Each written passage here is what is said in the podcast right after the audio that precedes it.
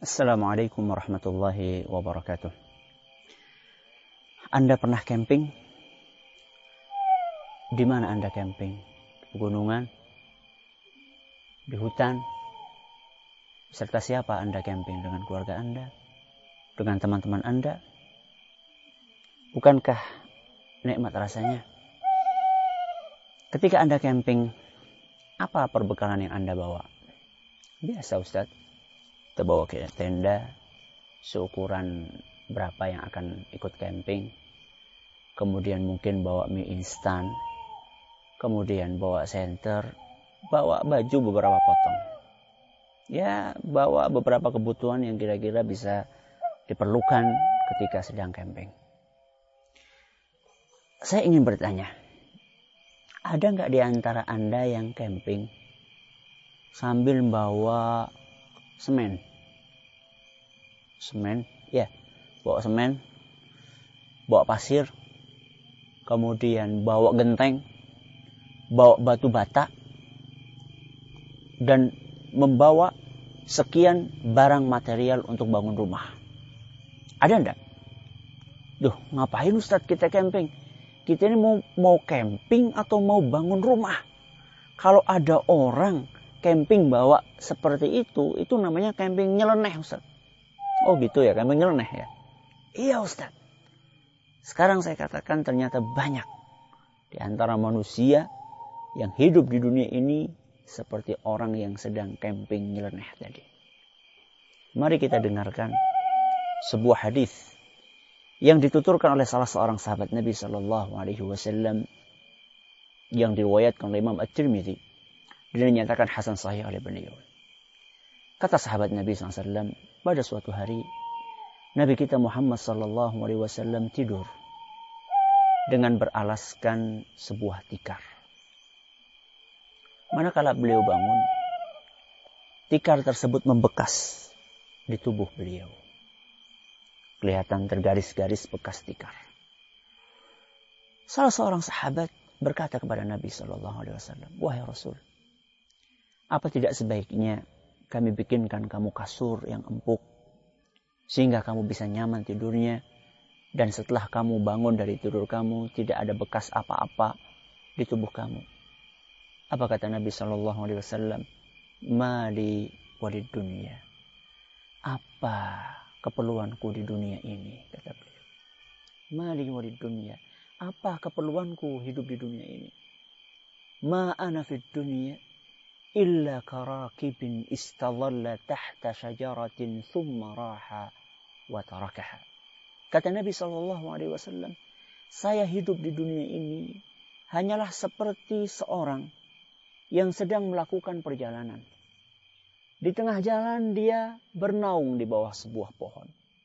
Mungkin karena kepanasan, mungkin karena kehujanan. Dia bernaung di bawah sebuah pohon setelah hujan itu reda atau setelah panasnya hilang, kemudian dia meninggalkan pohon tersebut dan berjalan kembali.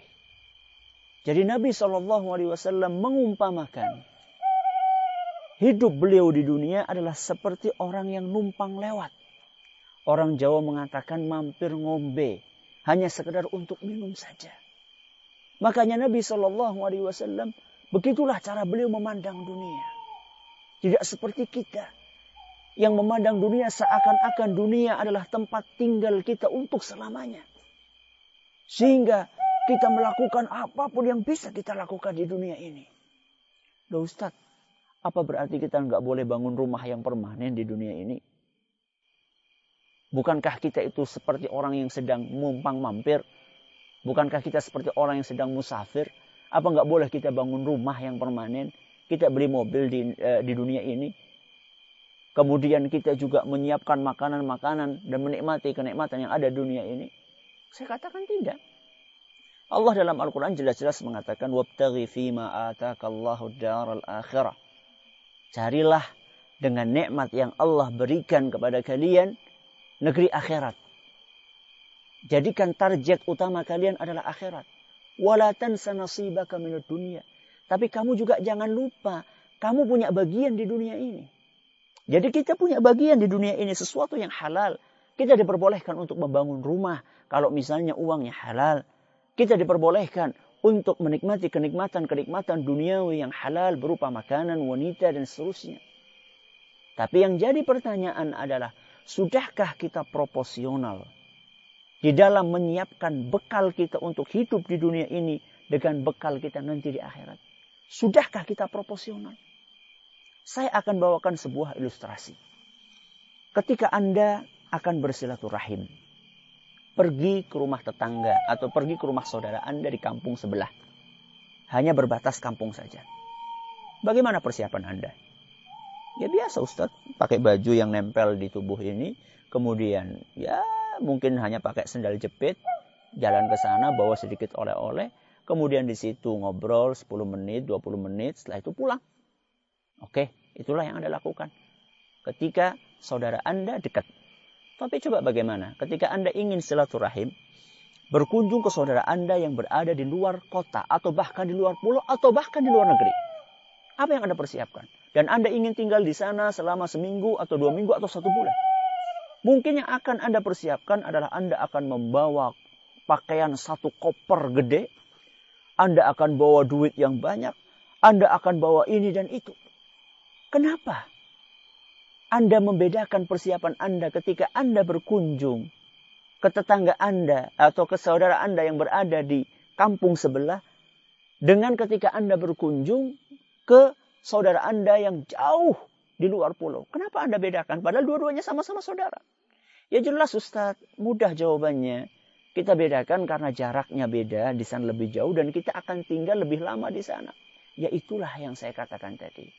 Kita hidup di dunia ini yang cuma sementara. Persiapan kita begitu luar biasa. Bekal yang kita tumpuk bisa untuk tujuh turunan. Tapi bekal yang sudah kita siapkan untuk perjalanan yang jauh lebih lama. Dan jaraknya begitu jauh. Seberapa? Kita bisa mengumpulkan bekal ketika untuk hidup di dunia ini yang cuma 60 tahun. Kita bisa mengumpulkan bekal sampai untuk tujuh turunan. Sedangkan bekal kita untuk menghadap kepada Allah subhanahu wa ta'ala di negeri akhirat nanti. Untuk berapa turunan. Bahkan untuk diri sendiri saja kita nggak cukup kadang-kadang. Kalau Anda pergi ke pasar. Anda membawa duit berapa?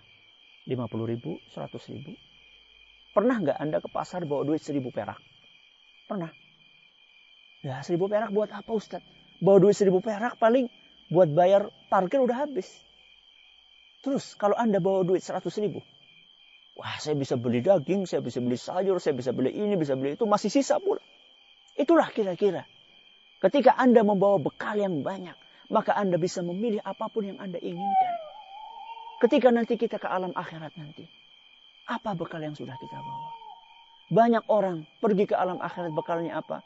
Bekalnya empat rakaat dalam satu tahun. Dia sholat cuma di Idul Fitri dan Idul Adha saja. Idul Fitri dua rakaat, Idul Adha dua rakaat. Berarti modal dia selama satu tahun cuma empat rakaat. Inilah modal dia. Dapat apa? Dapat apa di alam akhirat nanti dia? Subhanallah.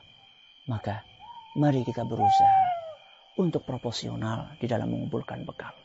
Perjalanan kita di akhirat jauh sekali. Kita hidup di dunia cuma 60 tahun, 70 tahun. Setelah itu kita mau ke mana? Setelah itu kita akan ke alam akhirat. Di alam akhirat sana satu hari sama dengan 50 ribu tahun di dunia. Maka perjalanannya jauh lebih panjang. Mari kita kumpulkan bekal sebanyak-banyaknya.